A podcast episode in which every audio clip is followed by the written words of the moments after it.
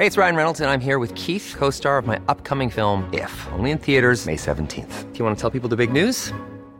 All right, I'll do it. Sign up now and you'll get unlimited for $15 a month in six months of Paramount Plus Essential Plan on us. Mintmobile.com slash switch. Upfront payment of $45 equivalent to $15 per month. Unlimited over 40 gigabytes per month. Face lower speeds. Videos at 480p. Active Mint customers by 531.24 get six months of Paramount Plus Essential Plan. Auto renews after six months. Offer ends May 31st, 2024. Separate Paramount Plus registration required. Terms and conditions apply if rated PG. A lot can happen in three years. Like a chatbot may be your new best friend. But what won't change? Needing health insurance. United Healthcare Tri Term Medical Plans, underwritten by Golden Rule Insurance Company, offer flexible, budget friendly coverage that lasts nearly three years in some states. Learn more at uh1.com. Quality sleep is essential. That's why the Sleep Number Smart Bed is designed for your ever evolving sleep needs. Need a bed that's firmer or softer on either side? Helps you sleep at a comfortable temperature? Sleep Number Smart Beds let you individualize your comfort so you sleep better together. JD Power ranks Sleep Number number 1 in customer satisfaction with mattresses purchased in-store. And now, save 50% on the Sleep Number limited edition Smart Bed for a limited time. For JD Power 2023 award information, visit jdpower.com/awards. Only at a Sleep Number store or sleepnumber.com.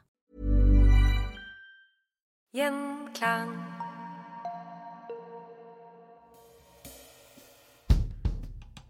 Den særegne lyden av norsk svartmetall er kjent i hele verden og har blitt en viktig del av vår kulturarv.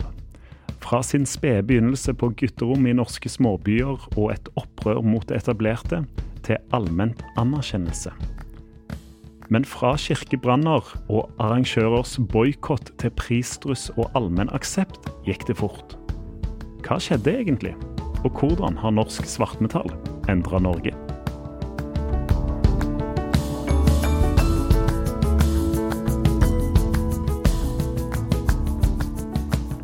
Velkommen til Historier som endret Norge. Mitt navn er Christian Gilsvig. I dag skal vi rett og slett bli bedre kjent med norsk svartmetall.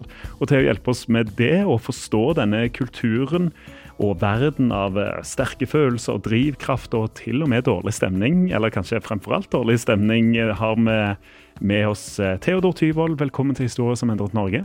Tusen takk. Du er masterstudent i historie ved Universitetet i Oslo. Hva skriver du master om?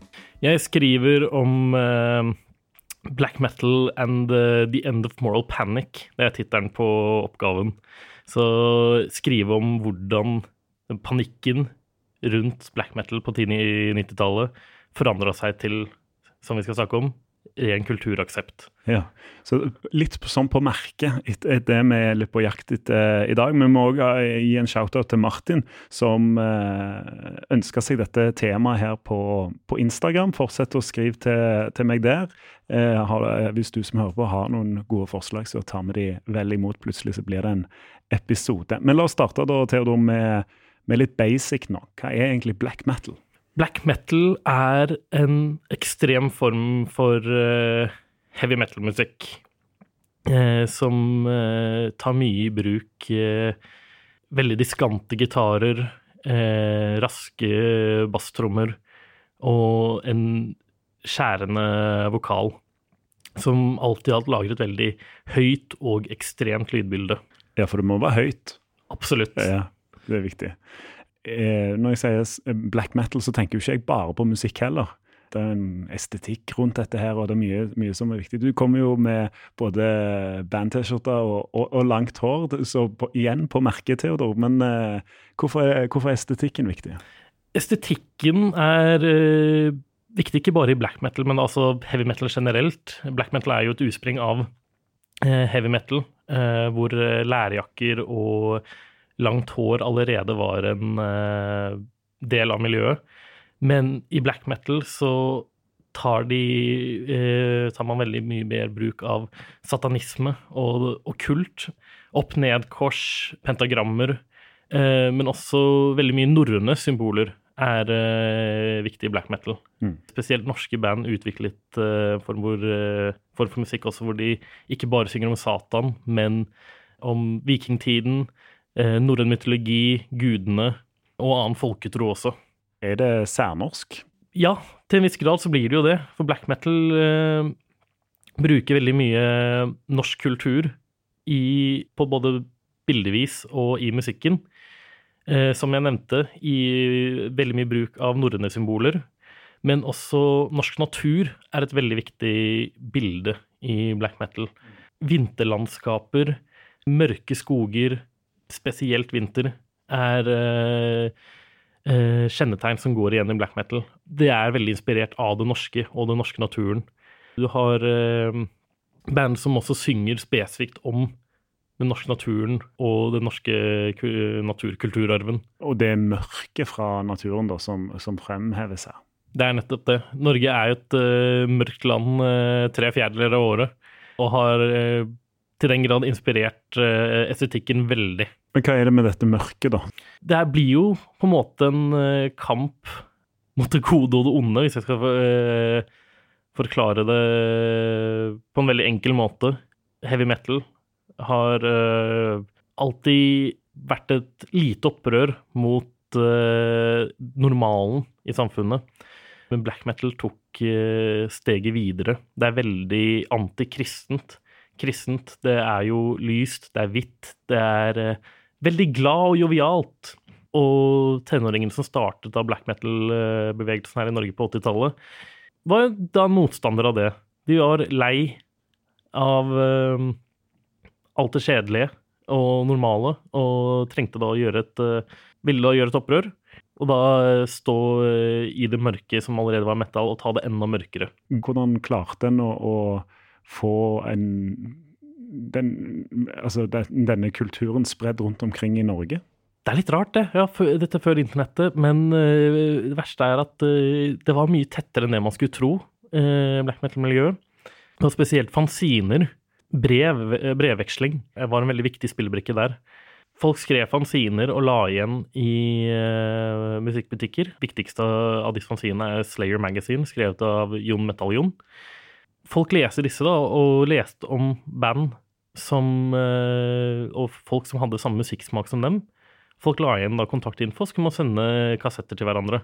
Og dette da skapte da et nettverk og, eh, rundt omkring i Norge, og ikke bare Norge, men også resten av verden, hvor folk fra Norge sendte kassetter til folk i Colombia og i Singapore.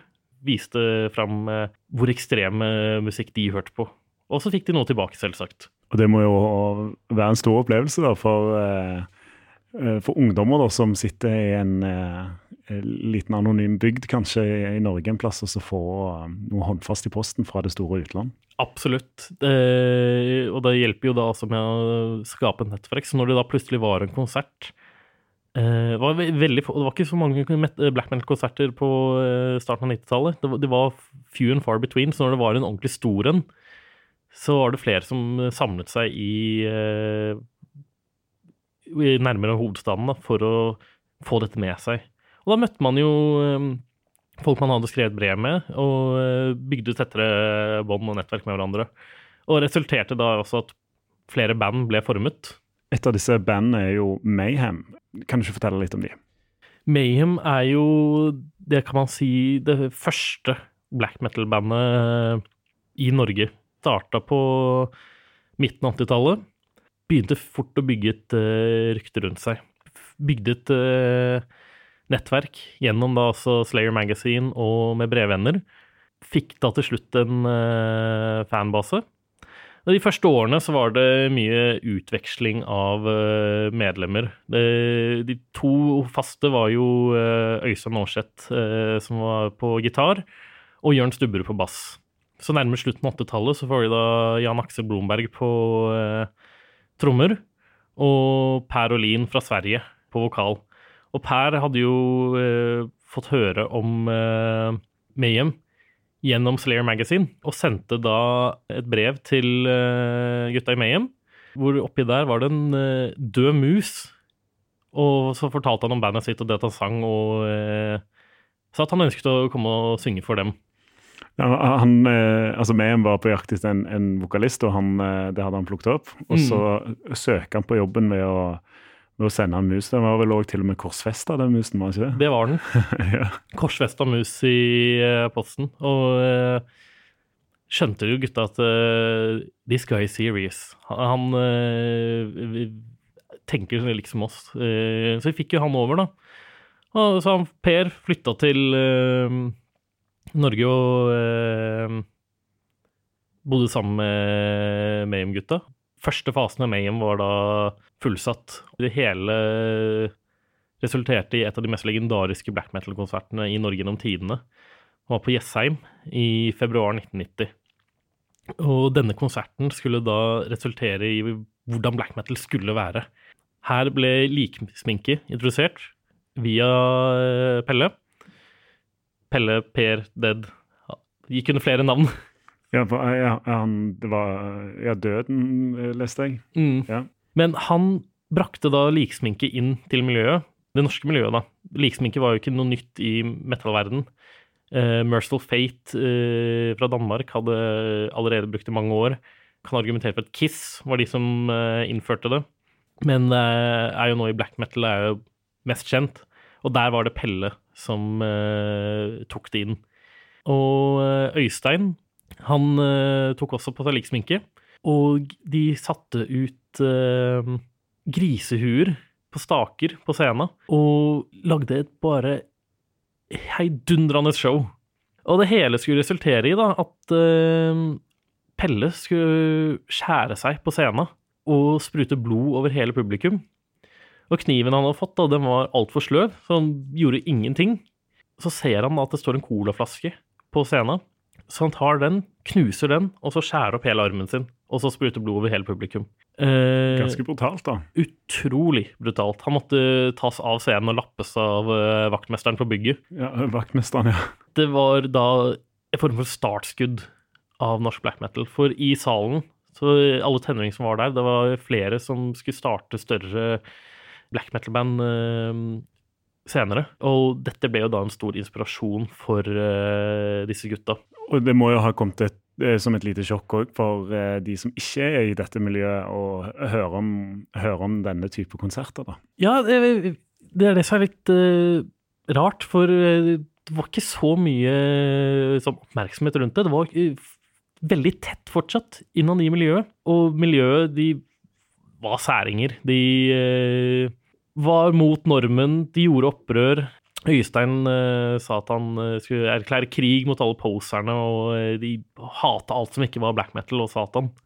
Men fortsatt så var det eh, et veldig tett eh, miljø. Det var ikke veldig mye syn fra eh, utsiden. Men eh, Mayhem blir jo når jo det store nyhetsbildet òg. Altså, historien til Mayhem er jo òg prega av uh, både det ene og det andre drap, uh, selvdrap. Uh, hva er det som skjer med Mayhem? Absolutt. Hele starter jo eh, med Pelle, da. Pelle, da, som kommer da fra Sverige, og som søker etter noe ekstremt. Han søker til Mayhem for Mm. de er ekstreme, men så når han kommer til Mayhem, så blir det enda mer ekstremt. Pelle var eh, veldig deprimert type. Uh, han var veldig fascinert og opptatt med døden, som reflekteres veldig i tekstene hans. Eh, men også på fritiden så var han eh, en spesiell type. Han var klinisk deprimert. Og det hele resulterer, resulterer i at han skyter seg selv i påska 1991. Mens ingen er i kåken de delte, så tar han en hagle og eh, skyter av seg hjernen, dessverre. Øystein da, oppdager dette. Eh, men I stedet for å ringe politiet, så drar han ned på den lokale bensinstasjonen, kjøper et engangskamera og tar bilder av liket til Per. Omjusterer litt også, og for at det skal se kulere ut. Og når uh, Jørn, bassisten, får uh, sett disse bildene, da sier han at dette har gått for langt. Disse bildene ødelegger du. Vi fjerner de. Og eh, hvis ikke, så vil jeg ikke ha noe med deg å gjøre. Øystein gjorde jo ikke det. Og eh, Jørn hadde en grunn forlot med hjem. Mye av dette selvdrapet har også resultert litt my mytiske historier. For det går rykter om at eh, Øystein stekte en bit av hjernen hans og spiste den, men også at han samlet hodeskallbitene til Pelle og lagde smykker av dem og ga dem til de han mente var verdige. Ja, heftig. Så nå står Mayhem eh, uten uh, vokalist igjen, og nå også uten bassist. Men rundt den tiden her da, så har uh, Øystein fått uh, kontakt med en bergenser, Varg Vikernes fra Brussum. Ja. En annen kjent figur i dette miljøet. Absolutt, man kan argumentere for at han er den mest kjente. Og han og Øystein bygger jo et samarbeidsbånd. De blir eh, er først kompiser, men dette er altså to ekstremt karismatiske typer som eh, begge ønsket å være den ledende skikkelsen eh, innad i black metal-miljøet. Og neste sånn store steget i black metal-miljøet blir jo 6.6.1992, når Fantoft kirke brenner. Ja. Hva er årsaken til disse kirkebrannene, da? Det er eh, fortsatt denne krigen mot eh, de kristne. Kristendom eh, er jo alt black metal ikke er. Black metal er Satan, det er hedensk, det er mørket, mens kristendommen er Gud og Jesus og de hvite og det glade. Og, men også en form for autoritær ledelse. Eh, syn mange i black metal-miljøet hadde på det. det er, at kirken og kristendom skal liksom styre landet med normene sine, det var jo ikke noe disse ungdommene var eh, spesielt lært med. Og beste måten å erklære krig på dette, var jo da å brenne kirkene. Og det hele startet da i juni 1992. Dette utvikler seg da mer og mer, med flere kirkebranner over hele landet. Øystein og eh, Vikernes eh, oppfordrer jo til dette innan miljøet, og eh, brenner sammen ned eh, Holmenkollen kapell her i Oslo. Men det begynner seg også å bygge en splittelse mellom eh, Vikernes og Aarseth, og de begynner å gå litt til tottene på hverandre. Politiet unna dette, de visste jo, ante ikke hvem som var som satt på disse kirkebrannene. De begynte å få en anelse at det var satanistmiljøet, eh, men de visste jo ikke hvem satanistmiljøet var. Eh, men så i januar 1993 så går eh, Varg Vikernes eh, til Bergenstidene og gjør det første offentlige intervjuet med offentlige media utført av noen i black metal-miljøet. Og da vet jo politiet nå OK, han var jo anonym, men politiet fant han likevel. Men da begynner heksejakten mot black metal-miljøet. Aarseth hadde jo en butikk her i Oslo som var samlepunktet eh, for eh, black metal-miljøet. Eh, Sveigårds gate 56. Helvete. Altså kjent som Neseblod den dag i dag. Eh, han ble tvunget til å stenge eh, den butikken pga. all medieoppmerksomheten og politibesøkende. Dette da fueler eh, Heller mer bensin på bålet av denne splittelsen mellom Vikernes og Aarseth. Til slutt, da, så tar eh, Vikernes eh, livet av Aarseth i august eh, 1993. Og da er det sånn første bølgen av det norske black metal-miljøet over. For nå har de ingen ledels ledel, ledelsesskikke. Eh, alle i Norge hater dem fordi de brenner ned kirker. Eh, det er ekstrem panikk rundt dem. Man vet ikke hva man lenger skal gjøre. Og det blir vanskelig å holde konserter og, og fremheve musikken her da i denne perioden. I Norge, ja. Og spille inn musikken var ikke noe problem. For man hadde en uh, fantastisk fyr i Bergen som uh, spilte inn uh, det meste av fantastiske black metal-album, Pytten, i Grieghallen. Og der har du spilt inn en rekke fantastiske black metal-album. men det var rundt denne tiden også at black metal ble mer oppdaga i Norsk black metal ble mer oppdaga i utlandet. Kerrang fra England gjorde en sak på hele black metal-miljøet, og det skapte enorm interesse da i utlandet. Mye av de norske black metal-bandene begynner å se vekk fra Norge og heller dra ned rundt i Europa. Mayhem allerede, hadde allerede turnert litt i Tyskland og nede i Balkan eh, på interrail-billetter. Men nå var det ordentlige turneer som ble satt opp. Eh, eksempel Immortal fra Bergen eh, dro på en turné med Rotting Christ og Emperor begynte også å eh, dra rundt omkring i Europa. Og begynte da å skape mer og mer interesse for eh, norsk black metal eh, utenfor Norge, da. Hva er liksom bunn, bunnivået? Skjer det etter drapet da på, og, og konflikten mellom Øystein og, og Varg Vikernes? Det vil jeg si ja. For det er da det er mest medieoppmerksomhet rundt dette. Du har saken mot Vikernes. Eh, Det at de dreper hverandre innad i miljøet, begynte å skape rykter. Det Nå visste de hvem som hadde satt på disse kirkebrannene. Eh, og man visste hvem disse personene var. Eh, og det gikk jo, ja, så, gikk jo utover konsertene her til lands. For eksempel Mayhem, da de skulle spille på Oslo Hardrockfestival i 1996. Eh, dette var en festival som hadde fått støtte fra Oslo kommune. Eh, men når de fant ut at Mame Mayhem skulle spille, truet de med å trekke støtten. Og det ble stor sak i media. Cool fact a crocodile can't stick out its tongue. Also, you can get health insurance for a month or just under a year in some states. United Healthcare short term insurance plans, underwritten by Golden Rule Insurance Company, offer flexible, budget friendly coverage for you. Learn more at uh1.com. Ryan Reynolds here from Mint Mobile. With the price of just about everything going up during inflation, we thought we'd bring our prices down. So to help us, we brought in a reverse auctioneer, which is apparently a thing. Mint Mobile unlimited premium wireless. Ready to get 30, 30, bit to get 30, bit to get 20, 20, 20, bit to get 20, 20, bit to get 15, 15, 15, 15 just 15 bucks a month. So, Give it a try at mintmobile.com slash switch. $45 upfront for three months plus taxes and fees. Promo rate for new customers for limited time. Unlimited more than 40 gigabytes per month. Slows. Full terms at mintmobile.com. Hey, it's Ryan Reynolds, and I'm here with Keith, co-star of my upcoming film, If, only in theaters May 17th. Do you want to tell people the big news?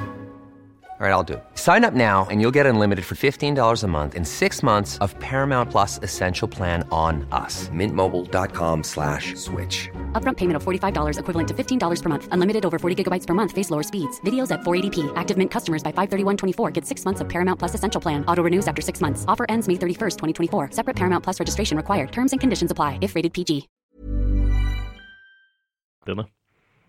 Da er året 1996, og hva år er det Dimmi Borge får eh, Spellemannprisen? Det er to år senere. Ja. Eh, Jeg husker ikke om de fikk den i 1998, men jeg vet at de spilte Ja, de spilte, ja. på sånn, eh, Spellemannsprisen. Og det er da man kan stille spørsmålet hva skjedde nå? Kan du gi oss et uh, forsøk på en forklaring på hva som skjer? Jeg har litt teorier. Uh, Dimme Borger er en litt spesiell case. Eh, fordi de tok black metal til et nytt nivå ved å eh, inkorporere eh, symfoniske elementer. Det var fortsatt black metal. Det var ekstremt. Vokalen er de samme, gitaren er de samme, og eh, trommene er de samme. Men de legger til et element til som før vi, eh, Årseth sin død eh, var ikke veldig synlig, og det tror jeg har litt med at han var veldig sånn streng på hva black metal skulle være. Men etter at han døde, så var det ingen til å si hva som egentlig er black metal lenger. Og folk, eh, band begynte å kunne eksperimentere litt mer.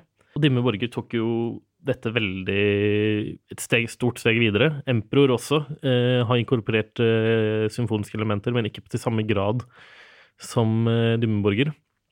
Jeg tror det at Dimme Borger gjorde det litt mer kommersielt. Det var litt sånn greier å høre på. Det fikk jo oppmerksomhet da også i utlandet, og ble signert til eh, plateselskapet Nuclear Blast, eh, som da hjelper dem å også igjen kunne spre musikken videre. Fortsette å hjelpe til med å per perfeksjonere det. Så det at det ble mer penger i det, det var lettere selvbart, åpna porten litt eh, for aksept. Og så da har du ja, Dimmeborger som spiller eh, på Spellemannsprisen. Vinner den noen år senere. Satyricon følger etter, og de har jo ikke forandra musikken veldig heller. De er også veldig black metal. Og det utvikler seg og utvikler seg. Satyricon spiller på VG-lista i 2006 foran 100 000 mennesker. Dimmeborger spiller en konsert i Oslo Spektrum med KORK. Med fullt orkester i hele pakka. Og det bare igjen Hva skjedde? Teorien min da er jo at eh, det ble mer kommersielt. Ja. Det er jo noe med denne opprørskheten da, som kanskje eh, forsvinner litt, eller er det, har den gått tapt, eller er- den til stede ennå? Opprørskheten forsvant litt, det vil jeg si meg enig i, men den er ikke borte. Eh, Det handler jo mer om at dette var jo tenåringer når de starta dette. Tenåringer skal gjøre litt opprør. Og man fikk gjort opprøret. Man skapte frykt. Det var jo målet deres. De ville skape frykt i samfunnet. De klarte jo det. Men man blir jo eldre også. dette er altså musikere som har lyst til å leve av musikken. Så de har jo fortsatt beholdt litt av opprørskheten ved å fortsatt holde seg sann til eh, ideologien. Det er fortsatt antikristent. Det er eh, går mot normen, og det er, eh, det er fortsatt sært. De fleste hører ikke på black metal. Det er flere nå, men de fleste gjør det ikke. Men spesielt denne opprørskheten mot kristendom har vært det viktigste for uh, sjangeren. Og det er da tydelig Det kan man da tydelig se med tanke på hvor stort uh, black metal gjør det i utlandet. Spesielt da i Sør-Amerika, hvor du har veldig mange ekstremt katolske kristne land. Tenåringer her elsker jo black metal. De går jo helt bananas når uh, band som Mayhem eller Emperor tar turen over. I Polen også er jo black metal kjempestort. Fordi det er dette opprøret mot den eh, kristne autoriteten. Og I Polen så har du jo bandet Behemoth, som flere ganger har blitt anklaget for blasfemi mot uh, kristendommen. Anklaget av rettsvesenet i Polen for uh, å være blasfemiske. Det sier hvor oppressive kristendommen kan være når eh, Nasjonalbiblioteket i vår hadde, hadde utstillingen sin om, om, denne historien, da, eh, er jo òg med på å gjøre, eh, gjøre dette stuereint og fremheve det, dette her som norsk kulturarv, for det er det jo. Men hadde det fått den posisjonen om det ikke hadde slått så bra an i utlandet? Det er et uh, spennende spørsmål. Uh, jeg vil ikke si at black metal har blitt noe mer Det har ikke blitt noe mer stuerent. Det har bare blitt eh, populært, akseptert. Det nærmeste å gjøre det stuerent er da igjen Dimmeborger, men det er fortsatt ekstremt. I, du har jo folk fra utlandet som kommer til Norge spesifikt pga. black metal, og de blir jo kalt blackpackere. Og de kommer jo for å se, dra på Inferno-festivalen eller Beyond the Gates i Bergen. De skal gå og se Nesblod og kjelleren der. Eh, de skal se Fantoft, de skal se Holmenkollen kapell, de skal se der eh, Varg tok livet av Øystein. Og de bringer jo inn eh, oppmerksomhet med det. At sånn der, ja, black metal er kjempestort i utlandet, og som du sier, vi elsker når utlandet ser til Norge. Men allikevel så tror jeg ikke at det er av det at man kan si at det er norsk kulturarv. Black metal er norsk kulturarv fordi det inkorporerer det norske, den norske naturen, den norske historien, eh, norske folkefortellinger, norske myter. Det, det, er det jeg mener gjør det til norsk kulturarv. Det hjelper jo selvsagt at eh, det er kjempepopulært og en stor turistmagnet, men det er ikke turistmagneten som gjør det til eh, norsk kulturarv.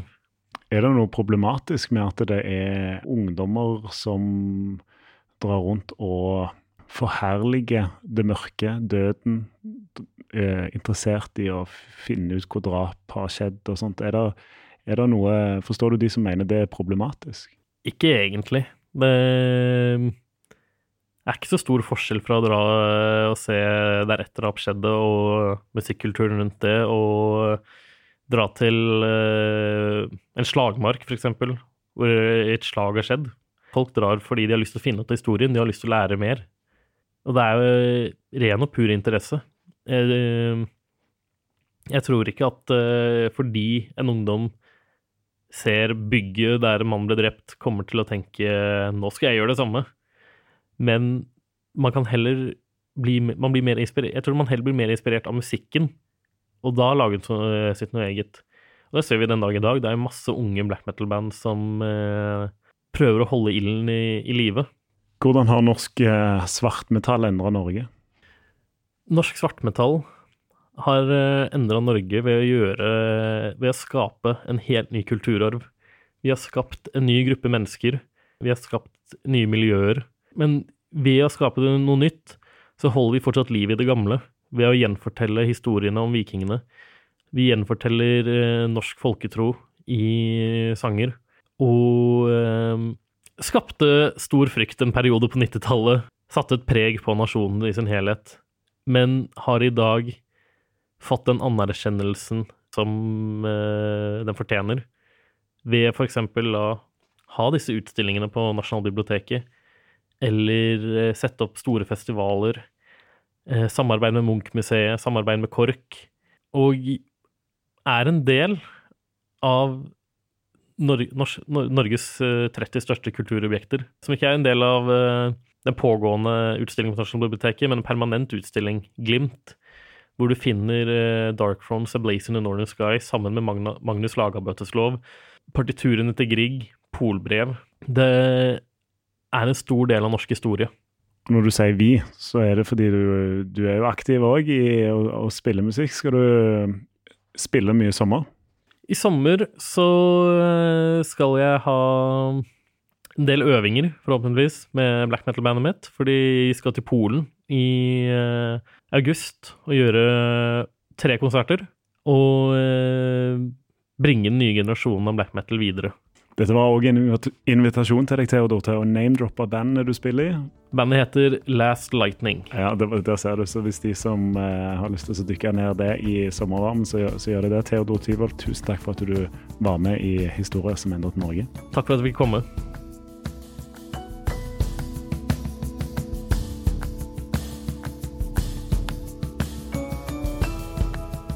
Hvis du er glad i historier som endret Norge, så vil du òg like historier som endret verden. Kollega Kristian Konglund han eh, kommer med en ny episode hver torsdag. Og nå på torsdag så kommer han med en splitter ny episode av Historier som endret verden. Ta og Sjekk ut eh, den.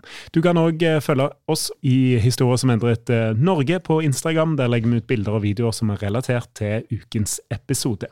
Der kan du òg komme i kontakt med meg om du har episodeønsker eller gjesteforslag. Ta og Send meg en melding på Instagram. Historier som endret Norge. Gjenklang.